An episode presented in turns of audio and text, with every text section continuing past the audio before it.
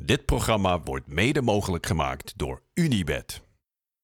Je zal maar in de Eredivisie, La Liga, eh, de Premier League, het Nederlands elftal bij de grootste club ter wereld letterlijk hebben gespeeld. En dat mensen dan toch twijfelen of je carrière wel goed genoeg is verlopen. Dit is Tussen de Palen met een bijzondere gast. Royston Ricky Drenthe wordt in 1987 met een gouden linkerbeentje geboren in zijn Rotterdam. Die linker is zijn grote wapen als jonge buitenspeler van voetbalvereniging Neptunus. Het duurt dan ook niet lang voordat Feyenoord op de stoep staat. En dan gaat het snel. Na zijn debuut in de Kuip is hij de grote blikvanger van Jong Oranje. Onder de vleugels van Foppe de Haan stijgt Drenthe als linksback boven zichzelf uit en wordt hij Europees kampioen. Royston komt op de radar van de Europese top. Hij treedt in de voetsporen van Roberto Carlos bij Real Madrid. Drenthe gaat als een raket van start, maar komt in datzelfde tempo weer naar beneden. Acht clubs in acht jaar voeren hem langs Engeland, Rusland, Turkije en de Emiraten. Kozakkenboys was het eindstation. Een bewogen carrière als afspiegeling van hemzelf. Kleurrijk, ongrijpbaar en vol verhalen. Royston, welkom. Hi Witse. Goed dat je er bent. Ja, dankjewel. Uh, bij Tussen de Palen, ik weet niet of je het concept uh, een beetje kent. Ik heb uh, wat dingen voorbij zien komen, maar volgens mij is het gewoon uh, mooi, mooi uh, praten over voetbal en uh, mooie herinneringen oproepen. Precies, er mag heel veel, er hoeft niet, zo, er hoeft niet zoveel. we gaan gewoon een uur over voetbal praten. We hebben fragmenten aan je gevraagd, hoogtepunten, dieptepunten. Yep. Uiteraard komt Real Madrid uitgebreid voorbij. Ja, dat moet helemaal goed komen, toch? Jazeker, maar we beginnen altijd met één vraag. En dat is, wat betekent voetbal voor jou? Poef, voor mij betekent voetbal serieus voeding, om zo maar even te zeggen. Het is hetgene waar ik mee ben opgegroeid is het, hetgene waar ik, het is hetgene waar ik mijn moeder helemaal gek mee maakte op het moment dat ik uh, drie, vier jaar oud was. Dat op een gegeven moment thuis uh, ja, er wel een oplossing moest gaan komen. Nou, mijn moeder was op dat moment niet heel erg. Uh, die wist niet heel veel van het stukje voetbal af. Natuurlijk hadden we wel familieleden die bezig waren met de voetballerij. Maar in de straat waar ik op dat moment woonde, Mauritsstraat, ehm, had je Miraldo, dat is de broer van Jetro Machart. En ehm, die wist dat alle jongens in de buurt bij Neptunus voetbalden.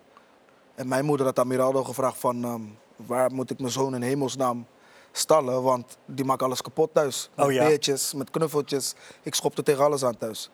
En toen uh, hebben we besloten rond de leeftijd 4, 5 om naar Neptunus te gaan. Waar ik dus nog geen wedstrijden mocht spelen omdat ik nog veel te jong was. Maar daar is het eigenlijk een beetje begonnen. Dus daar begon die voeding echt. En ja, voetbal was voor mij altijd uh, hetgene wat mij het meest blij maakte. Ja, je kan niet zonder voeding als mens.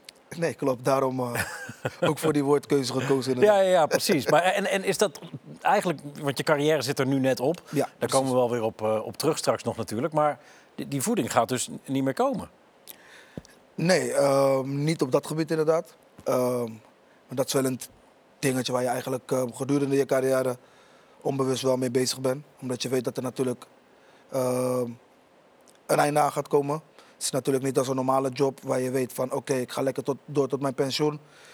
En dat is eigenlijk wel het lelijke aan het stukje voetballen. Dat op een gegeven moment uh, op fysieke gesteldheid ga je het gewoon niet uh, meer kunnen aan, uh, aanbenen. En dat is iets ehm, waar de een anders mee omgaat dan de ander. Ehm, ja, ik kon dat op een bepaalde manier moeilijker loslaten. Maar ik moet zeggen dat ik het nu wel beter een plekje kan geven. Is dat jonge jochie dat het, alle knuffeltjes omschopte in huis en, en echt naar buiten moest, naar die voetbalclub? Ja. Is, is die er tijdens je carrière uh, altijd nog wel geweest? Ja, ik denk dat dat iets is wat uh, er, er, niet zomaar uitgaat natuurlijk. Um, zeker als je in het proces, uh, proces zit dat je weet dat je veel talent hebt en dat het talent ook zeg maar, erkend wordt. En op het moment dat je ziet dat je zeg maar, op jaarbasis beter wordt. Dat, gaat ook alweer, dat is ook weer een soort van ego-streling. Tenminste, zo ervaarde ik het. En uh, ja, op het moment dat je, je gaat zeg maar, die lat steeds hoger voor jezelf leggen. Op, uh, is hetzelfde als jij een enkele schaar hebt geleerd in de jeugd van Feyenoord. Ja, dan ga je op een gegeven moment op zoek naar die, die dubbele schaar. Snap je? En ja, zo leefde ik in een stukje voetbal. Was er een moment dat jij zelf dacht, want mensen om je heen hebben dat natuurlijk gezien toen ze je zagen voetballen, van hé, hey, wacht eens even, die kan wat. Maar had jij zelf ook een moment dat je dacht van hé, hey, volgens mij ben ik een voetballer? Uh, ja, ik denk dat op het moment dat je je eerste contract gaat tekenen, voor, bijvoorbeeld in de jeugd en dat soort dingen, dan ga je op een gegeven moment wel uh, voor jezelf uh, op een gegeven moment fantaseren van, oh wacht even, ik ben er nu al heel erg dichtbij. Ik denk als je gaat kijken in mijn periode van 7 tot 15 was het voornamelijk echt plezier. Was ik nog niet echt bezig met het stukje van ja, ik wil per se in de Kuip voetballen, omdat het is allemaal nog zo ver. We hadden toen de tijd eh, Ricardo Cruz was onze spits, maar je bent niet Oh, ja. echt bezig met van oké, ik ga daar ook echt voetballen. Pas als je echt gaat ruiken aan het stukje contract tekenen, het stukje erkenning en weten dat je een van de beste bent in de jeugdelftallen van Feyenoord, dan ga je daar echt mee bezig zijn. Ja, we gaan naar het eerste fragment eh, wat je hebt uitgekozen. Dat, dat, dat is je eh, jeugdidool. Laten we eerst even kijken naar Ja. hem. Anche una botta su Nedved, potrebbero esserci provvedimenti, attenzione a Davids, prova il numero Davids, ancora Davids, Davids, Edgar Davids, 4-0, un'azione straordinaria. Incredibile, incredibile perché con Nedved a mille. Ja. Ik zie je genieten meteen. Ja, omdat ik weet wat het met me deed als jonge jongen. Het was nog voordat ik eigenlijk mijn dreadlocks zelf liet groeien. Maar Was dat vanwege Edgar? ja, 100 Sowieso was het ook een trend op dat moment eh, in mijn jeugd. eh, eigenlijk eh, al mijn vrienden. En eh, toen de tijd speelden wij heel veel ook bandje, Surinaamse bandjes. En eigenlijk de gehele band had altijd rasta, Ja. om zo maar even te zeggen. Moeder was er niet heel erg blij mee, want we moesten altijd optreden op de zaterdag. En op de zaterdag moest ik natuurlijk ook voetballen, dus die combinatie was niet goed. Nee. Maar ehm, ja, die agressiviteit, die felheid, die stond mij gewoon aan. En eerste instantie kreeg ik natuurlijk ook heel veel naar mijn hoofd gesmeten van... eh, ja, heeft die felheid van Edgar Davids. Dus op, automatisch ging ik mezelf natuurlijk ook assisteren met Edgar. En ehm, ja, de kers op de taart was natuurlijk gewoon op het moment eh, met het WK 1998... dat Edgar super groot stond op het Nationale, Nationale Nederlandengebouw in Rotterdam. Ja, die grote flat bij het station. Ja. En mijn huis, als je uit het raam keek, keek je recht tegen dat, naar die afbeelding aan. Nou ja, en toen kwam op een gegeven moment die Nike-reclame en dat was voor mij de druppel. Ja, dit was een soort poster eh, eh, in je slaapkamer, maar dan was het op een flatgebouw precies, buiten. precies, precies. Ja, en die Nike-reclame met Vigo, R9, Edgar Davids en al die gekkigheid in die reclame, dat was voor mij van oké, ik moet die bril, Ja. ik moet in die Nike-reclame en ik moet die dreadlocks hebben. Ik moet gewoon eh, net als deze guy worden. Als je op, op, op transfermarkt kijkt, dan staat er dat jullie familie zijn. Ehm, staat er ook Drent is, is, is een neefje van Edgar Davids. Ik kon het Ja, verder dat is misschien omdat ik me heel vaak heb uitgesproken. Eh, Het is niet dat ik weet, maar zoals jullie weten, de Surinaamse gemeenschap is eh, heel erg gelinkt aan elkaar. Eh, de populatie leeft- heel dicht op elkaar, maar vanuit mij weten, weet ik het niet. Geen echte bloed. eh, lijn, echte bloedverwanten, Maar. Nee, nee. Eh, maar wel voetbalverwant. Want inderdaad, ze, ze hebben het over die felheid natuurlijk die jij Ja, hebt. klopt. Ook, ook niet te lang. Ook linksbenig. Klopt. Ehm, ook net zo'n goede voetballer jij? Ehm, hoe bedoel je? Nou, kon jij het niveau van Davids aantikken als je echt goed was? Edgar was echt was een, was een linkshalf die super creatief was. Begrijp je? De kwaliteiten van een linksbuiten. Edgar was praktisch gezien wel een type speler die je eigenlijk op elke positie kon neerzetten en die altijd bijna aan voldoende voor je zou spelen.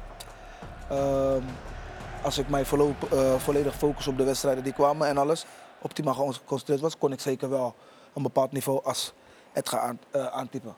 Om mezelf nou te gaan vergelijken dat ik dezelfde dingen bereik, ik denk dat dat niet hetgene is wat uit mijn mond zou moeten komen, maar ik denk dat ik zeker wel wedstrijden heb laten zien dat ik zeker wel vergelijkbaar was met zeker Edgar Davids. ja. Ja, een, een ander, eh, eh, eh, andere parallel tussen jullie is dat jullie echt van het straatvoetbal komen natuurlijk. Klopt. Als je op een niveau Real Madrid wereldtop belandt, hoeveel kan je dan nog van de straat meenemen? Ehm, ja, dat blijft altijd een lastige vraag inderdaad. Het is maar, elke wedstrijd is anders. Ja. Ehm, heel veel mensen ehm, zeggen natuurlijk altijd van ja, je gaat pas een trucje doen op het moment dat je 2-3-0 voor staat. En ja, bepaalde mensen gebruiken bepaalde trucjes om het feit dat ze denken dat ze daar ehm, gewoon rendement uit kunnen halen. Ik ben er wel heilig van overtuigd dat je moet geen dingen doen om het doen als het rendabel is. En als het uiteindelijk goed voor jouw team is, dan kan je het zeer zeker doen als je daar capabel be- toe bent. Ja, Ehm, ja, ik denk dat Edgar daar zeer zeker een, ehm, een goed voorbeeld van is. Maar ik heb ook wel eens dingen gedaan wat je eigenlijk alleen maar op de straat doet, ook gewoon op het veld. ja, zeker. Wa- want het is niet alleen die techniek natuurlijk, maar het is misschien ook de felheid die je op straat nodig hebt om, om, om vrij letterlijk te overleven in Ja, de kijk, top. op straat komt, zoveel, komt er zoveel meer bij kijken. Je kwam soms op pleintjes en dan had je bijvoorbeeld eh, bepaalde haantjes die, die wel wouden blijk- laten blijken dat dit hun pleintje was. Of bepaalde jongens die hadden verloren, want het was altijd winnaar blijft staan. En die gewoon niet van het veld af wouden. Nou ja, dus dan krijg je weer te maken met van, oké, wie gaat opstaan? Je had ook bepaalde teams die lieten het dan gaan. Die hadden zoiets van, ja, deze jongens gaan er toch niet vanaf en ik heb geen zin in bonje met ze. Maar ja, soms had je ook bepaalde boys die gingen dwars door je heen van, vriend, hoe bedoel je? Je hebt verloren, wegwezen. Ja. Snap je? Speel je nu nog veel op straat? Kom je er nog wel eens? Ehm, het is eigenlijk een beetje doodgebloed als je gaat kijken naar ehm, het... ehm, Bedoel je die, die echte straatcultuur? Dat echt de hele nee, dag... kijk, de straatcultuur is niet weg, maar ik bedoel zeg maar het ehm, out of the blue ineens een partijtje spelen. Ja. Snap je? Toen de tijd hadden wij bijvoorbeeld geen groepsapp dat je tegen elkaar kon zeggen van hé, hey, we gaan nu bij Delfshaven voetballen. Ja, we hadden toen de tijd, ik weet toch, als je een nieuwe, nieuwe, eh, nieuwe schoen koopt bij Nike, dan krijg je toch een soort van, soort van plastic tasje erin met die touwtjes. Ja, ja. Daar hadden we altijd een bal in. Ja, straatvoetbalschoenen hadden we sowieso altijd aan, dus het kon altijd zomaar ineens raak zijn. Je ziet wel dat dat een beetje weg is komen te vallen. Nu is het echt orgi- organisatorisch dat je weet van tevoren van oké, daar gaat een toernooi gevoetbald worden. Maar bij ons was het echt gewoon van out of the blue. Het is minder You, you spontaan. never know wanneer. Ja. Ja. super spontaan was het altijd. Mooi. Ehm, van de straat, van de pleintjes, ging je naar de Kuip. Klopt. Ehm, laten we even kijken naar je debuut voor Feyenoord. Inmiddels de wissel aan Feyenoordkant. Biseswar is naar de kant gehaald. Royston Drenthe is in de ploeg gekomen. 19-jarige verdediger. Hij de vervanger van Diego Biseswar. Kuit richting Drenthe. Royston Drenthe. Het schot is zeker niet slecht. Van de jonge invaller. 19 jaar is hij. Linksbuiten.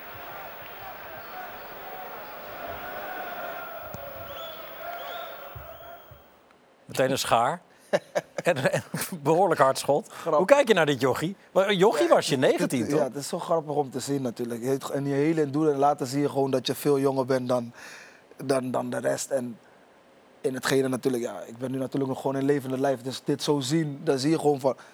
Waarschijnlijk had ik op een hele andere manier bewogen als ik nu in het veld had gestaan. Ja. Maar ook gewoon de man- het, in alles, in alle details. De manier van spugen, de manier van aan mijn gezicht zitten, de manier van het zeg maar een soort van jezelf, eh, jezelf opjutten. Is grappig, is grappig. En natuurlijk gewoon, natuurlijk ook dankbaar dat je dat soort dingen al eigenlijk hebt mogen meemaken. Was je er klaar voor? Ja, ik had wel een leeftijd dat ik wel klaar was voor de Eredivisie. Zeker. Nou, hetgene wat ik ook al wat deed in de jeugd van Feyenoord, op dat moment in de A1 was ik er zeker klaar voor. Op dat moment speelde ik ook al heel veel wedstrijden in de tweede van Feyenoord. En daar liet ik ook wel wekelijks, wekelijks zien dat ik zeker klaar was voor eh, dit stukje. Ja, degene die deb- debuteren, Ja, Erwin Koeman, klopt. noem jij als eh, je- beste trainer. Terwijl je best wel wat goede en grote namen natuurlijk eh, eh, voor jouw groep hebt zien staan. Maar Erwin Koeman is heel belangrijk voor je. Ja, en dat blijf ik natuurlijk gewoon altijd zeggen. Waarom blijf ik dat zeggen? Om het feit dat, eh, niet om het feit dat hij mijn talent, me- mede mijn talent heeft ontdekt of mede mij die kans heeft gegeven om bij het eerste te komen. Dat, vader, dat vadergevoel wat hij niet alleen aan mij gaf, maar ook aan jonge, jongens als Diego Di- Biseswar, Ivan de Snow, Jonathan de Guzman. Om ons zeg maar niet te kakken te zetten op het moment dat we ehm, faalden, zeg maar. Als je gaat kijken, ik heb echt niet alleen maar goede wedstrijden voor Feyenoord tegengespeeld. Ik heb ook echt gewoon gefaald in bepaalde wedstrijden. Maar dan was hij daar om ons op te vangen. En ons daar weer die kans te geven om de volgende wedstrijd optimaal te kunnen presteren. En ik denk dat heel veel trainers natuurlijk, doordat ze natuurlijk bij grote clubs komen te trainen, dat stukje, dat stukje terzijde eh, laten. Om het feit dat ze zoiets hebben van ja, er is geen tijd om jou nog eens te pamperen. Snap je? En tuurlijk, je hoeft natuurlijk niet helemaal jezelf te gaan bekommeren om een bepaalde speler, omdat hij jong is. Maar eh, val hem niet meteen af op het moment dat hij zeg maar niet presteert naar behoren. Hoe belangrijk is dat bij, bij, bij jongens die op hun negentiende dus inderdaad voor het grote publiek op een voetbalveld komen te staan. Dat er ook wordt gekeken naar wie iemand is en wat iemand nodig heeft in plaats van wat hij alleen maar met zijn voeten doet. Ja. Ehm, Is, is, is, hoe dat belangrijk was dat voor jou? voor mij was het super belangrijk. Maar ik denk dat ehm, het natuurlijk toch heel verschillend is qua speler. Sommige jongens hebben die structuur al natuurlijk al vanuit huis uit. Dus ehm, die kunnen wel tegen dat soort kleine ehm, tegenslagen. Ik was sowieso al een persoon, ik was niet graag alleen. En ik was gewoon een mama's kindje. En dat ben ik nog steeds tot de dag van vandaag. Maar dus voor mij ging dat al heel gauw voelen als negativiteit. Op het moment dat ik bijvoorbeeld een snack kreeg van de trainer. Of dat de trainer. En als de trainer bijvoorbeeld dan die week, gedurende, gedurende die week, niet naar mij toe was gekomen om aan te geven van oké, dit is de reden waarom ik dat deed. En dat is wat je moet gaan veranderen. Dan ging dat al proeteren bij mij. En dat zou dat zeer zeker effect kunnen hebben op mijn prestaties. Dus ja, ik was daarin wel gewoon een hele ander soort type jongen. En voor mij gezien, dus persoonlijk gezien, denk ik dat het gewoon belangrijk is voor elke jonge jongen. Kom je nu bij het eerste, dat er wel gewoon veel meer aandacht wordt gegeven aan de dingen die niks te maken hebben met het voetbal, maar wel zeer zeker belangrijk kunnen gaan zijn voor de toekomst van zo'n jongen. We, we hebben hem net met zijn voeten bezig gezien. Z- Zullen we ook nog even naar je luisteren? Er is ook nog een interviewtje van na die wedstrijd. Je moet nu al lachen. Ik weet dat, Ja, ja, dat ja. is met Rijnmond TV volgens Ja, mij. ja, komt ie. Ja. Ik kwam erin met het denken in mijn hoofd van, we gaan er gewoon echt voor. En dan zien we wel waar het schip strandt en dan gewoon zo goed mogelijk presteren. En dan scoor je, en dan scoor je, En de nul houden natuurlijk. Want we willen natuurlijk met de overwinning weggaan. en je scoort bijna nog een fantastisch doelpunt. Ja, maar bijna is inderdaad niet helemaal, maar het was inderdaad een fantastische bal. En ja, volgende keer schieten we hem er gewoon in. Kun je eh, in het kort nog even eh, voor de kijkers zeggen wie je bent? Ik ben Royce Drenthe, ik kom oorspronkelijk uit Rotterdam. Ik woon in Rotterdam-Oost en ik speel in de Feyenoord A1. En ja, dat was het zo'n beetje. En je bent jong en gretig. Jong en gretig inderdaad. Heel gretig. Is toch gek? Hele baard keel. Daar heb ik nog niet eens een baard mijn keel voor Nee, nee, volgens mij niet. Nee. Ehm, maar ik, ik weet dat nog wel, want we, we, we zagen je komen bij Feyenoord toen. Ja. Maar ook de manier waarop je je presenteerde buiten het veld, zeg maar, was, was heel verfrissend. Want je praatte makkelijk. Ja. Je, je leek voor niks of niemand bang. Ervaarde je dat zelf ook zo op dat moment? Van kom maar op allemaal. is ook een beetje die, is ook een beetje die Feyenoord cultuur. Hè? Ik denk dat ehm, mm, als je de gehele jeugd van Feyenoord een beetje ehm, doorbrengt, gaat dat automatisch wel een beetje in je DNA zitten. Ehm, mijn lichting was sowieso wel een lichting die natuurlijk altijd ehm, heel veel battelde met Ajax. Dat is ook een beetje wat we zeg maar, altijd meekregen. Maar voor ons gevoel was natuurlijk Ajax altijd zeg maar, dat team wat altijd iets, eh, een beetje meer had. Zeg maar. En dat was voor ons echt voer om hun eigenlijk altijd te verbrijzelen als we tegen ze speelden.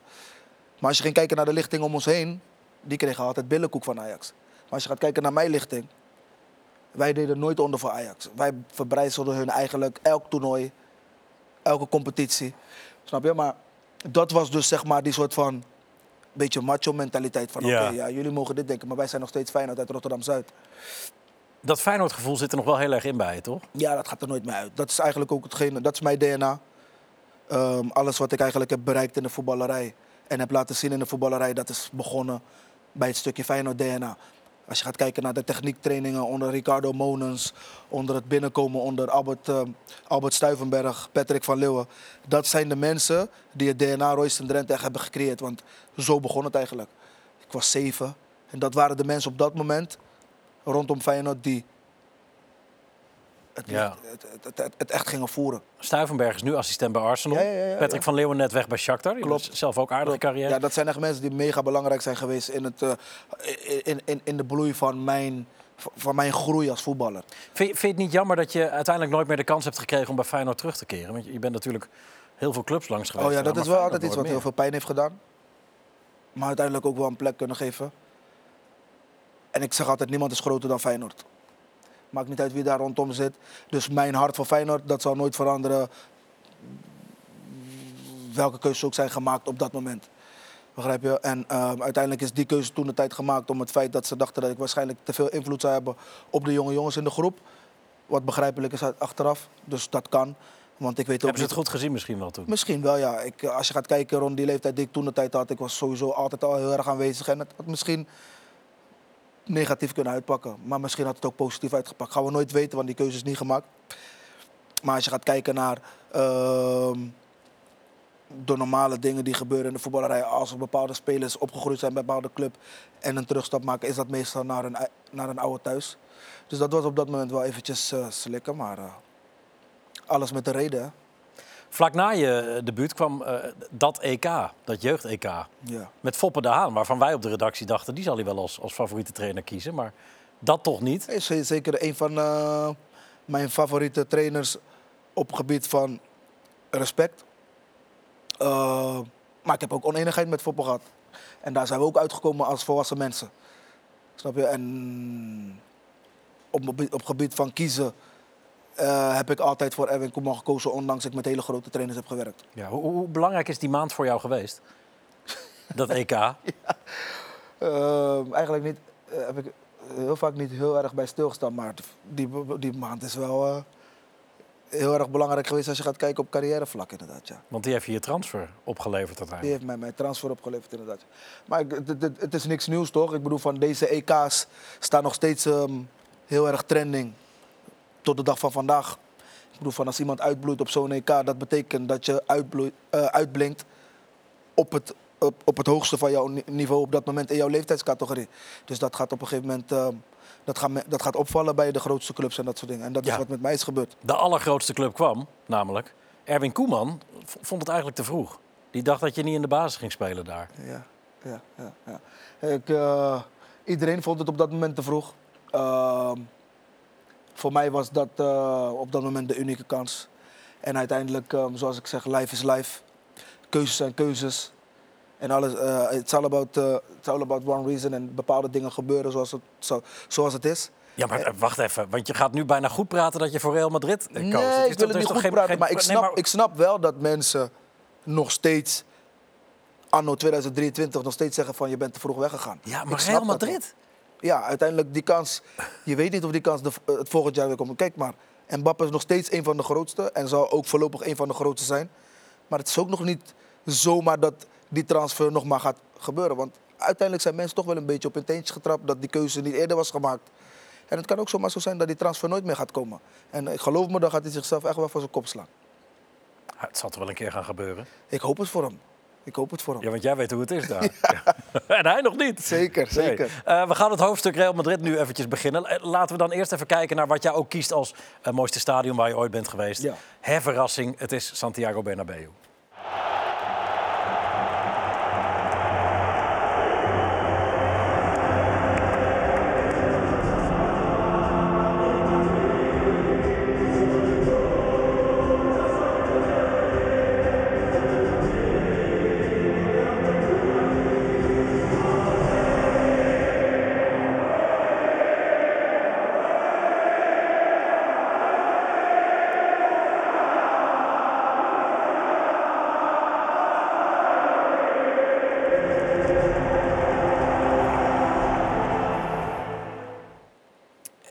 Daar stond jij opeens eh, te midden van. Ja. N- Niet specifiek deze wedstrijd, maar Nee, deze wedstrijd op- opeens, opeens, speelde je, opeens speelde je in Bernabeu. Ja, Nou is crazy. de Kuip ook niet lullig natuurlijk, maar Nee, zeker niet, maar crazy. Nog steeds crazy. Poef, ja, qua herinneringen, ik heb vaker ook uitspraken gedaan over dat ik... ehm, ja, sowieso heel veel herinneringen moet ik echt dit soort beelden krijgen. Omdat je weet dat je er niet optimaal van gen- genoten hebt. En dat is natuurlijk hetgene wat natuurlijk mij altijd zal blijven achtervolgen. Maar het spelen in Bernabeu, ja, dat blijft iets aparts. En dan kijk je dit soort beelden. Als je gaat kijken naar Pepe Raúl, Pepe. Dit jaar werden we kampioen. Ja, Je speelde ook gewoon, gewoon best wel veel. Want Ja. dat is natuurlijk wat veel mensen hebben. Eh, die hebben het idee dat jouw eh, tijd bij Real een totale Heel- mislukking dat is. ik daar eigenlijk heel weinig heb gevoetbald, maar ik heb echt veel gevoetbald daar. En, Ja, toch? ja. En sinds zeker ook hele leuke dingen gedaan. Ja, en, er- en je lacht erom. Want Ja, dat, ben- is, dat, dat is oké voor jou. Dat het zo gegaan is. ja, het is oké voor mij, zeker. Op een gegeven moment heb ik nu wel een bepaalde leeftijd bereikt dat je natuurlijk ook hele nieuwe dingen in het leven leert kennen. Wat ook wel echt noodzakelijk was. Ik moest echt een hele andere, andere wereld gaan leren kennen dan eigenlijk alleen die grasmatten. Zeer zeker voor mijn eigen ontwikkeling. Maar het is oké. Wat het, eh, ik begin het langzamerhand een goede plek te kunnen geven. Ik vind het fijn om erover te praten. Dus het is ook anders geweest dat ik eigenlijk het niet fijn vond om over zeg maar, Nee, het maar- verleden te praten. Ja, maar is dat ook omdat mensen je dan het gevoel gaven dat je heel veel fout had gedaan of zo? Ehm, nee, van, hoe omdat heb je ik het nou zo waarschijnlijk kunnen- voor mezelf nog geen plek kon geven. Dus was het lastig erover discussiëren. Ja, want als je wordt uitgenodigd voor een programma als dit, dan weet je natuurlijk waar we Dat je, gaan. dat, dat je gaat praten over het verleden en dat je gaat praten over de mooie, maar ook negatieve momenten. En dat hoort er natuurlijk bij. Maar op het moment dat dat keer op keer terugkomt en dat je hier voor jezelf nog geen, dat je het nog niet hebt afgesloten, dan zit je eigenlijk in een soort van open schaafwond te poren Ja, die nog pijn doet. maar de wond is dicht. Precies. Is het litteken groot? Het litteken is ehm, Of is het gewoon überhaupt geen litteken? Ja, het is een litteken, maar uiteindelijk kan je het litteken maar zo eh, bestempelen zoals je zelf wilt. En voor mij is het een litteken waar ik graag naar kijk. Littekens maken de mens. Ja, ik zit onder de littekeningen. Ja. Dus, dus wat dat betreft zit het goed. Ja, je kwam binnen met een knal, letterlijk. Eh, want in je eerste wedstrijd in Bernabeu, nou wat was het, een meter of dertig? Ja, ongeveer wel, ja. Juega Drente. Disparo muy lejano de Drente. Golazo. Golazo de Drente. Ha sido gol. Ha sido gol, ha sido gol. Ha sido gol, lo está dando Undiano. Golazo. Golazo de Drente que se va al banquillo a celebrarlo con Schuster. Qué zapatazo ha pegado con la zurda. En toen was je er. En toen was ik er inderdaad, ja. Ja, dit is natuurlijk... ehm, ja, op het moment dat ik er nat- natuurlijk naar kijk, blijft het natuurlijk een soort eh, droom. Want op dat moment was het nog een droom die ik al leefde. Maar debuteren was, was, was, was nog steeds angstaanjagend. Ja, was het eng? Ja, tuurlijk. Ik denk dat eh, ja, spelers die zeggen dat ze helemaal geen angst of helemaal geen zenuwen voelen, ja, dan denk ik dat ze heel vaak eh, niet het juist hebben, eh, juist hebben geleefd wat ik heb geleefd. Want zelfs als ik elke week in goed presteerde, was ik nog, wel, was ik nog zenuwachtig in wedstrijden. En dit was er zo in. Enige wat in deze wedstrijd zo was, ik was niet goed ingelicht, want de eerste wedstrijd hadden we al gehad. Het was waarschijnlijk, was, waarschijnlijk was ik wel ingelicht, had ik het niet goed meegekregen. Dus dit was een gelijkmaker. Dus ik dacht van oké, deze wedstrijd kunnen we nog gewoon over de streep trekken. Maar eh, Fabiano en Canute hadden ons aardig eh, te kijken gezet de eerste wedstrijd. Ja, Dus het was al 1-3 geworden volgens mij. J- jullie verloren de eerste wedstrijd en, en deze trouwens ook. Deze verloren we uiteindelijk 5-3, ook. Ja, geloof 5-3, 5-3 Ja. inderdaad. Ja. Ja. Dus voor jou was dit natuurlijk gigantisch. En ook voor de mensen die naar jou keken. Zulke goals zijn. eh, je, je gaat met hetzelfde vervelende gevoel naar huis hoor. Maakt niet uit wat voor goal je hebt gemaakt. Op het moment dat je een wedstrijd verliest, dan vergeet, je- vergeet je dit eigenlijk, zeg maar. Dit is gewoon omdat het natuurlijk mijn debuut was. Heel veel mensen natuurlijk er nog steeds over spreken. En het natuurlijk een van mijn mooiste goals aan mijn carrière was. Dat we er nog over spreken. Maar officieel gezien zouden we er eigenlijk niet eens meer over moeten praten. Om het feit dat we die wedstrijd verloren. Ja, want het was gewoon een goal in een wedstrijd die je verliest. Precies. Jullie verloren die eerste met 1-0 trouwens. Dus Oh, de goal die je daar maakt is, is, was wel degelijk van belang. Maar Oh, oké. maar uiteindelijk, ja, dus was het toch die wedstrijd die, die, die ons de das omdeed. ja, wat was nou jouw beste positie? Mijn beste positie. Ik denk dat elk jaar wel anders was. Dat, ik daar, dat gevoel had ik ook. Als je gaat kijken naar de periode Everton bijvoorbeeld. Heb ik ehm, eigenlijk bijna alleen maar rechtsbuiten gespeeld en achter de spitsen. En dat was op dat moment ook wel echt. Op dat moment kon ik ook gewoon veel op die positie. Op dat moment wist ik ook gewoon precies van oké, ik ga nu naar binnen, ik ga nu schieten, ik ga nu naar buiten. Maar als je gaat kijken, de periode dat ik net bij Real kwam, was op dat moment linksback-positie, was gewoon echt mijn positie. Je hebt dan het debuut, maar daarna speelden we de eerste competitiewedstrijd tegen Atletico Madrid. Ehm, daar speel ik op ehm rechtsbuiten, hoe heet die Argentijn? Maxi Rodriguez, Rodriguez. volgens mij. Nou, die speel ik helemaal de wedstrijd uit. En dat was op linksback. En daar had ik ook echt paardenlongen. Op een gegeven moment crosste ik van de linksbackpositie helemaal naar de rechtsbuitenpositie met de bal aan mijn voet. Dat was ook een debuut waar, wedstrijd, waar Wesley de winnende maakt. Dat is een wedstrijd waar natuurlijk heel veel mensen niet op het netvlies blijven. Maar ik weet dat ik die wedstrijd echt zeker een 8,5 speelde. Steekt dat? Dat, me- dat mensen het idee hebben dat het, dat het mislukt is bij Real? Ehm, of het steekt. Ja, als je het keer op keer wel moet uitleggen, dan steekt het wel eens. Maar uiteindelijk. Nee, dit is, dit is, dit is waar Rafa mij de bal geeft. Hier winnen we ook 2-1.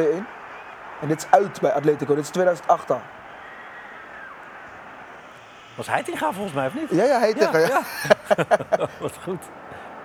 Dit is thuis.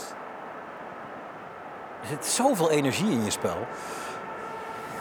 Dat zat er inderdaad in. Ja, gretig en alles. Soms ook wat druistig, maar dat was ook hetgene wat mij maakte, zeg maar. Ja, dan proberen ze er niet uit te halen, denk ik, toch bij je? Probeerden ze je rustiger Nee. te maken?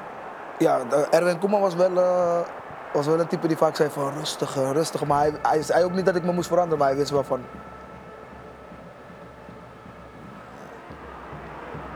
Rafael van der Vaart is ook eh, te gast geweest bij Tussen de Palen. En die zei 2000 iedere keer dat ik dat shirt aantrok, had ik ook het gevoel van... Ik ben er. Dit, dit- dit- ik speel bij Real. Jullie hebben nu bijvoorbeeld vijf beelden laten zien Ja. Die ik niet eens ken. Echt? Om zomaar, moet je maar nagaan. Dat schot, bijvoorbeeld die voorlies en dat soort dingen. Terwijl ik weet hoeveel... Maar ik moet het echt zien, dat ik bij mezelf denk van, oh ja. Hier, dat laatste voor dat hockey. Ik weet dat die wedstrijd is volgens mij uit Valladolid. Maar moet je nagaan, dat gewoon... En onder Soester speelde ik echt superveel. Die was ook gewoon echt ge- gecharmeerd van mijn kwaliteiten. Omdat die wist van... Maar die wist ook van... Ik kan hem op linksback gebruiken, linkshalf, links, uh, linksbuiten. Achteraf gezien, als speler vond ik het wel fijn om soms weer te weten van... Oké, deze wedstrijd ga ik daar spelen. Ik had wel heel vaak het gevoel, ik wist niet... Ook al wist ik dat ik basis ging, basis ging staan... Ik wist niet of het dan linkshalf was, linksbuiten Nee. of linksback. Dus ik kon me dan pas gaan voorbereiden op het moment dat de opstelling bekend was. En ik denk dat dat spelen wel lekker is om al twee dagen, een dag van tevoren te weten van... Oké, die wedstrijd ga ik linksbuiten spelen. Vastigheid. Ja, toch. Wil je nog een keer zien, die beelden? Ja, komen er dan dingen los? Ja, ja, toch wel, toch wel. Ja, want ik probeerde inderdaad vragen te stellen, maar je wil gewoon kijken. We gaan gewoon even kijken inderdaad naar eh, eh, die, die- wedstrijden van jou. I- Dit, dit is ja, bijna allemaal uit je eerste jaar. Ja, dit is het eerste jaar ik. inderdaad. Dit is, Maar, dat, dit, dit is tweede jaar. Dit is tweede jaar. maar het meeste wist je gewoon niet meer. Nee, deze weet ik nog wel, omdat deze, ik krijg de bal hier van Rafa. En op een gegeven moment hier staan we 1-1 en Higuain maakt hier de winnende. Dit is Valladolid uit inderdaad. Deze wedstrijd ken ik nog. Dit is thuis tegen Santander.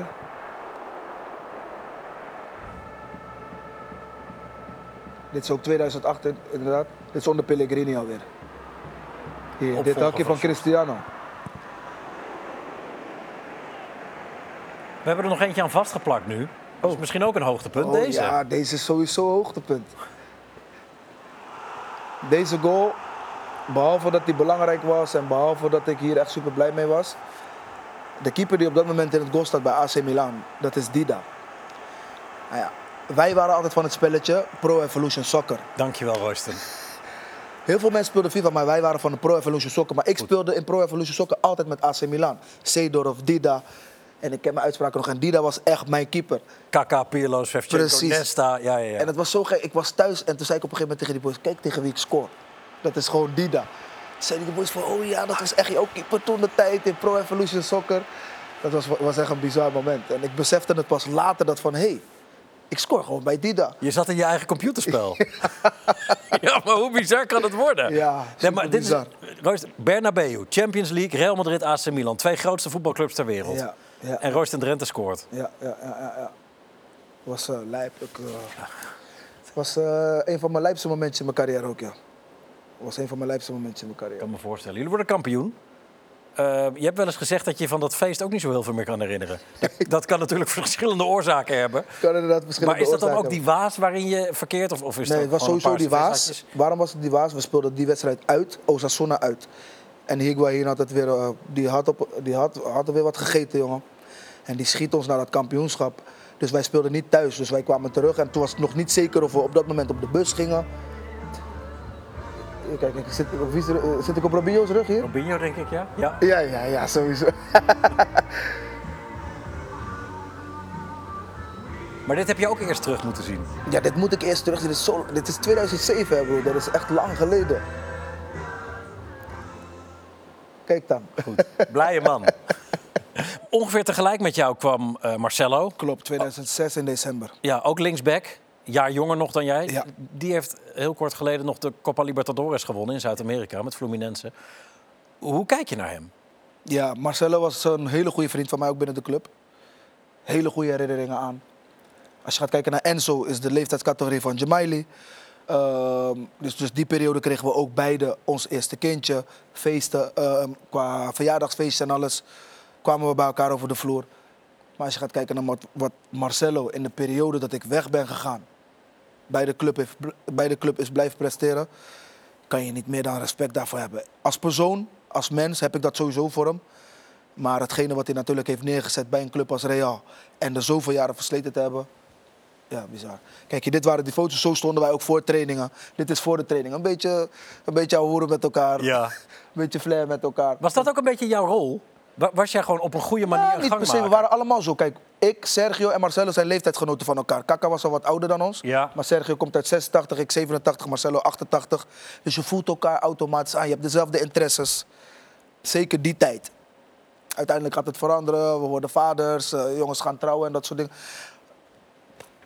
Maar dit was, eh, dit was, eh, was ons ding, ja. Beetje jaloers op Marcelo? Dat hij uiteindelijk al die Champions Leagues, al die tijd is blijven hangen bij Real. Oh, daar zal ik ze- zeker wel eh, gezond jaloers op, op blijven, ja. Want uiteindelijk is hij degene die, die het nog steeds heeft waar kunnen maken bij die club. Waar ik denk elke voetballer zeker jaren zou willen versleten, Absoluut. We gaan er heel eventjes eh, tussenuit zijn, zometeen bij jullie terug. Dan met de beste wedstrijd, favoriete wedstrijd van Royston. En de beste voetballer met wie hij ooit heeft gespeeld. En dat is toch wel best wel weer een verrassing. Tot zo.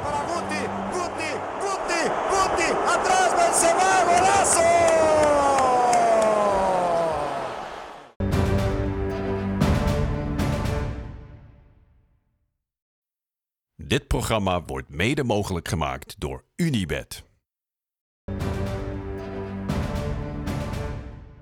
Welkom terug bij Tussen de Palen. Eh, met Royston Drenthe nemen we zijn hoogte- en dieptepunten uit zijn carrière door.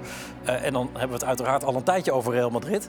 Eh, je mooiste wedstrijd is een Classico in Camp Nou. Wat, was er zo bijzonder aan die wedstrijd wat jou betreft? Ja, allereerst dat je natuurlijk basis staat die wedstrijd. First 11, dat is uniek. Dat is niet iets wat, ehm, je, wat, wat, wat, wat, wat zomaar ehm, in jouw carrière vanzelfsprekend is. Oh, Dus dat was weg. voor mij het mooiste affiche. Ja, hier ben ik weg. eh, en doe ik niet wat ik daar hoor te doen. Ik hoor daar was de- Valdes gewoon lekker uit te spelen. Iets wat ik standaard gewend was om te doen, zeker op de trainingen. En dan ben ik niet te houden, want die eerste twee meters was ik sowieso door niemand te houden.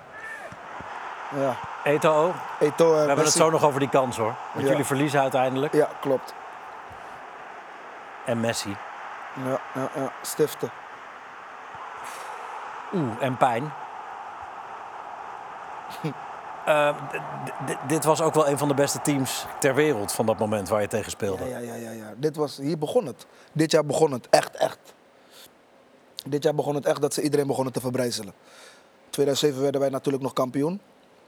Maar dit was echt het moment dat... eh, De gegeven, tiki-taka-machine. het sloeg op een gegeven moment nergens ook meer op. Nee. Wij als Real Madrid, en het, dat is niet gelogen... Wij wisten op een gegeven moment dat we ook wel een beetje vies door mannen heen moesten gaan. En dat zeiden we ook gewoon in de kleedkamer van... Vriend, als het echt de spuigaten uit gaat lopen... dan gaan mannen echt vliegen op een gegeven moment. Ik herinner me, toen was je al weg. Pepe, denk ik een keer, onder, onder Mourinho. Was dat tegen Barça of was ja, dat tegen in, in Getafe? Camp Nou. Nee, ja, Getafe, daar stond je bovenop. Dat weet ik ook nog, ja. Ja. Ja, nee, toen- nee, maar stoppen had er een handje van. Nee, maar dat was op een gegeven moment... Wij wisten natuurlijk dat hun kwalitatief echt een beetje overdreven, ehm, overdreven goed waren geworden. Maar wij waren nog steeds Real Madrid. Wij waren nog steeds de grootste. Begrijp je? Dus dat is voor ons, was voor ons natuurlijk gewoon een beetje gênant op het moment dat ze ons in ons eigen stadion echt eigenlijk naar het kastje van, van het kastje naar de muur stuurden. En ik denk dat er ook nog wel momenten van deze wedstrijd zijn dat op een gegeven moment op het middenveld zie je Wesley hier staan, mij hier staan, Sergio aan, en dan zie je Messi naar de grond gaan, maar dan beuken we er met z'n drieën gewoon in Oh ja, om hem op een gegeven moment van die bal af te halen. klaar mee. Ja. Ja. Eh, die kans. Ja, Was je carrière anders verlopen als je hem erin had geschoten? Weet ik Je, niet. je kiest hem als slechtste maar moment ik ook. denk dat je jezelf wel onsterfelijk maakt op zo'n moment. Een goal tegen Barça is altijd, ja, dat, eh, dat zou je niet slecht doen gedurende je carrière, zeker bij Real Madrid niet. Maar wat je zegt inderdaad, normaal was je eromheen gelopen. Ja, ik, ik, ik- als je, zeker, mijn kwaliteiten waren voornamelijk mijn eerste meters. Ehm, dit soort dingen. Ik bedoel, van, als je gaat kijken naar de kans, als je die continu in de loop gaat zetten, dan als je gaat kijken naar hoeveel ruimte er nog achter Victor is.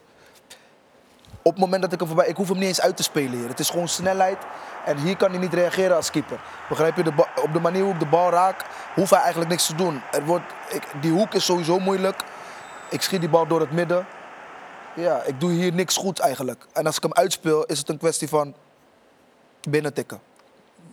Was er tijd om iets door je hoofd te laten schieten op dat moment? Herinner je je dat nog? Omdat ik sowieso ook heel veel bezig was met Dani deze wedstrijd. Alves.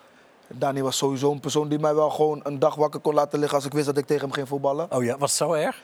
En Dani maakt hier natuurlijk een fout die hij normaal gesproken niet maakte. En dat was ook wel een moment dat ik daarvan schrok, want hij ging natuurlijk naar de grond.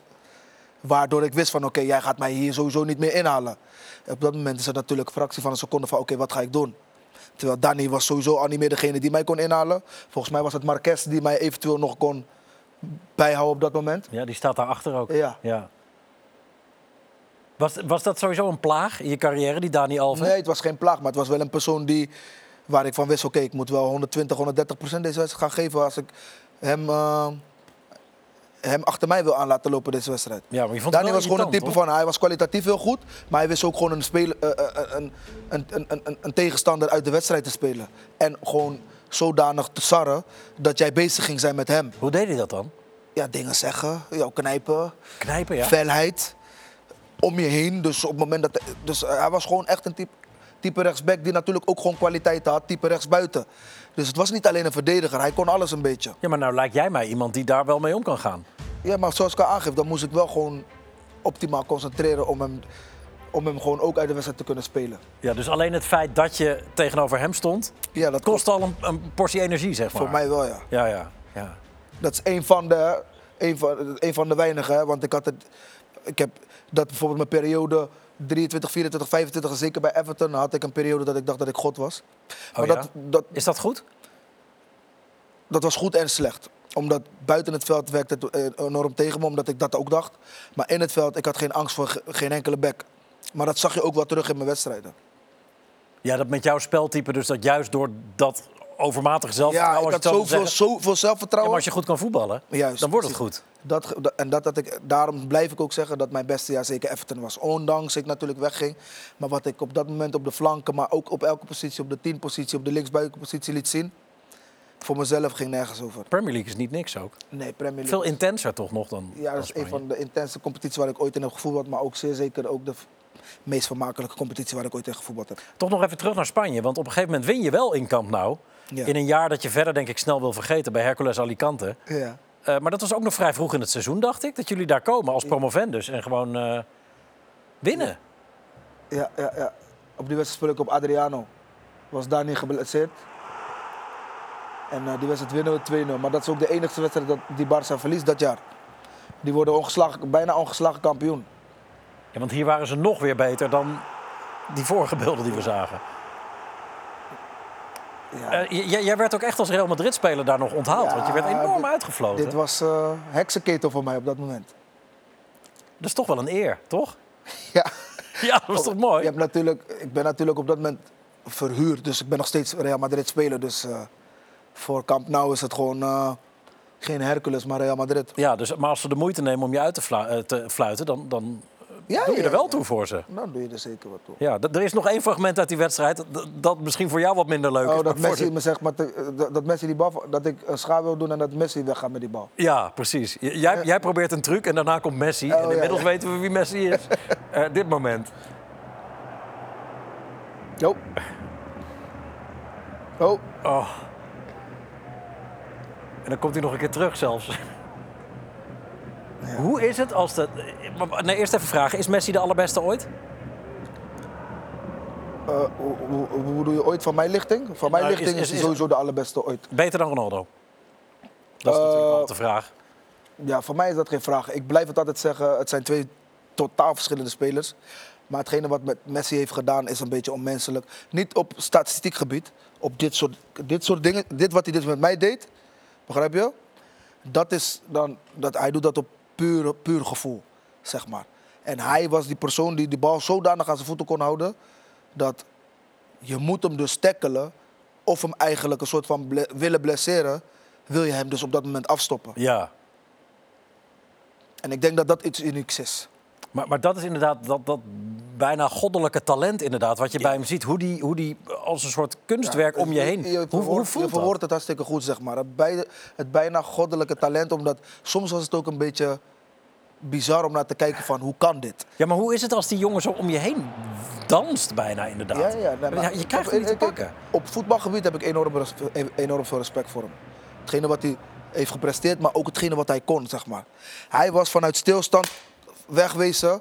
En dan was het ook van, oké, nu gaat hij er volgens mij 4-5 uitspelen. En waarschijnlijk gaat hij ook nog eens iets, iets doen wat we niet willen zien. En, en niemand doet er wat aan. Kan niet, gaat niet. Omdat als hij eenmaal op snelheid is, is het een probleem. Maar toch, dan, dan zou je zeggen dat er ergens in zijn carrière iemand opstaat die denkt... en nou is het genoeg dat hij hem een rotschop geeft. Maar niemand heeft hem ooit Nee, die is- doodschop gegeven. Dat is dus die respect die je zeg maar. Omdat, omdat waarschijnlijk. Ja, kijk, dit gaat toch nergens over. Die man was zo eng.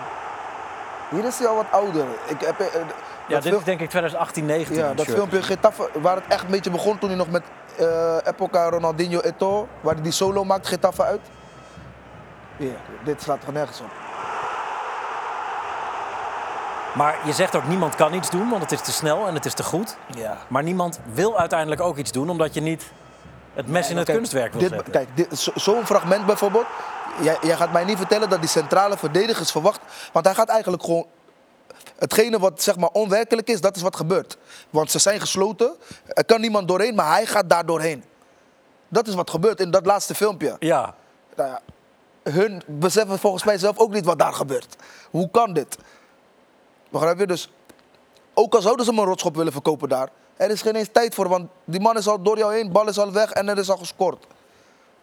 Mooi. We, we vroegen je naar je Kijk, favoriete kijk, speler. kijk. Ja. Dit slaat toch. Zie je, kijk, hij doet ook zo van hoe dan? Dat kan toch niet?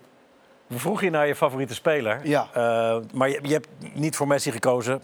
Nee, Dank je wel ook daarvoor, want dat maakt het programma ook rijker. Want dan kunnen we weer beelden van iemand anders laten zien. Anders moeten we iedere week Messi laten zien. Precies, precies. Guti heb jij, Ik heb voormalig Guti. ploeggenoot. Ja, voormalig ploeg. Laat, laten we eerst even naar hem kijken. Ja, alsjeblieft. Madrid, Kaká toma el balón, acompaña Guti. Kaká para Guti. Guti, Guti, Guti. Atrás Benzema, golazo.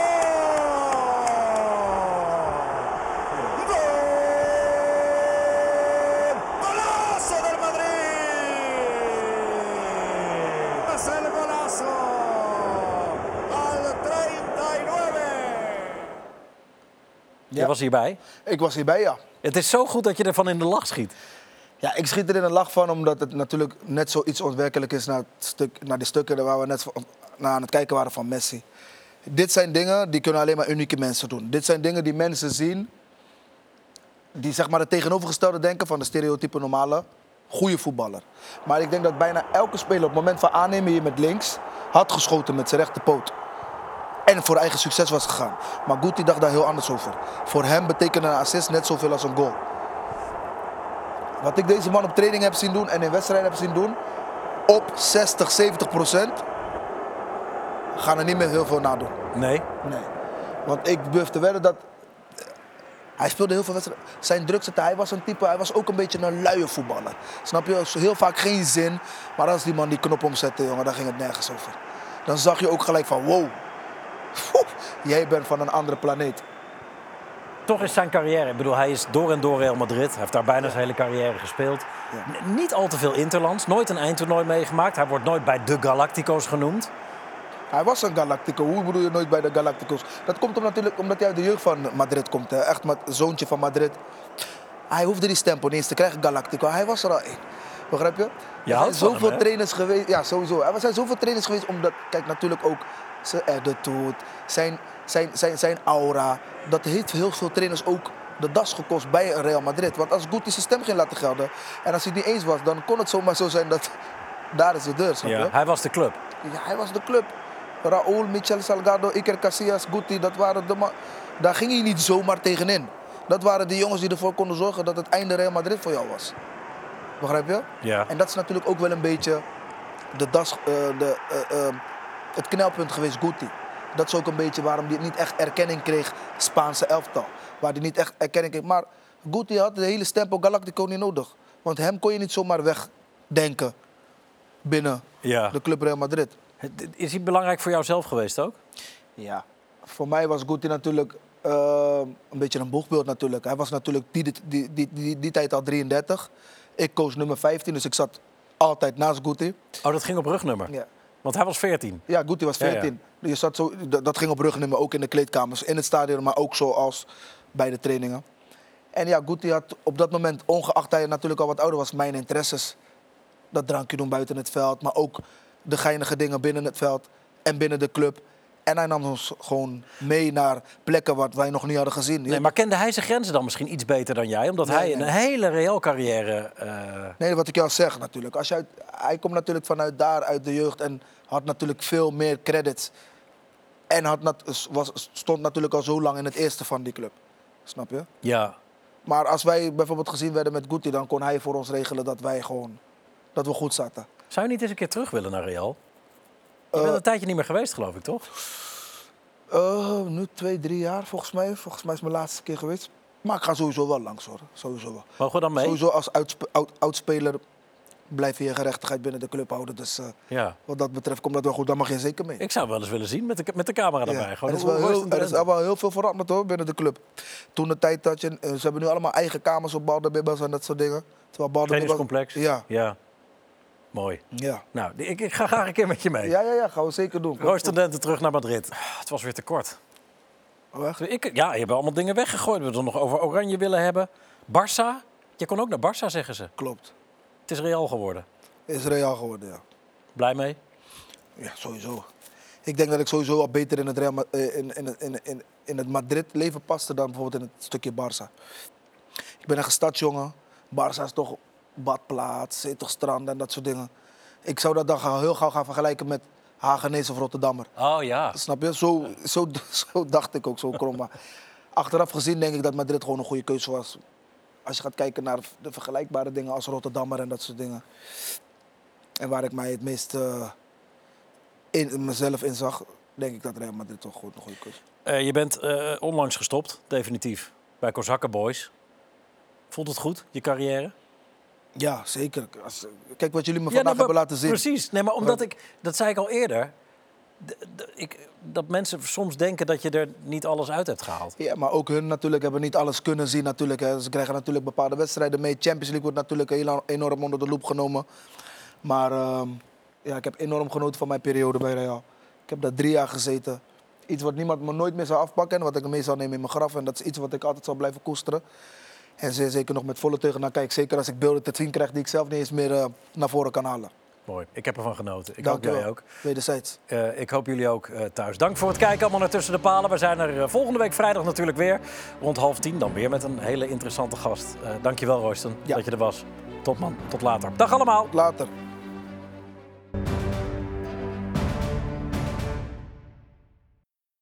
Dit programma werd mede mogelijk gemaakt door Unibed.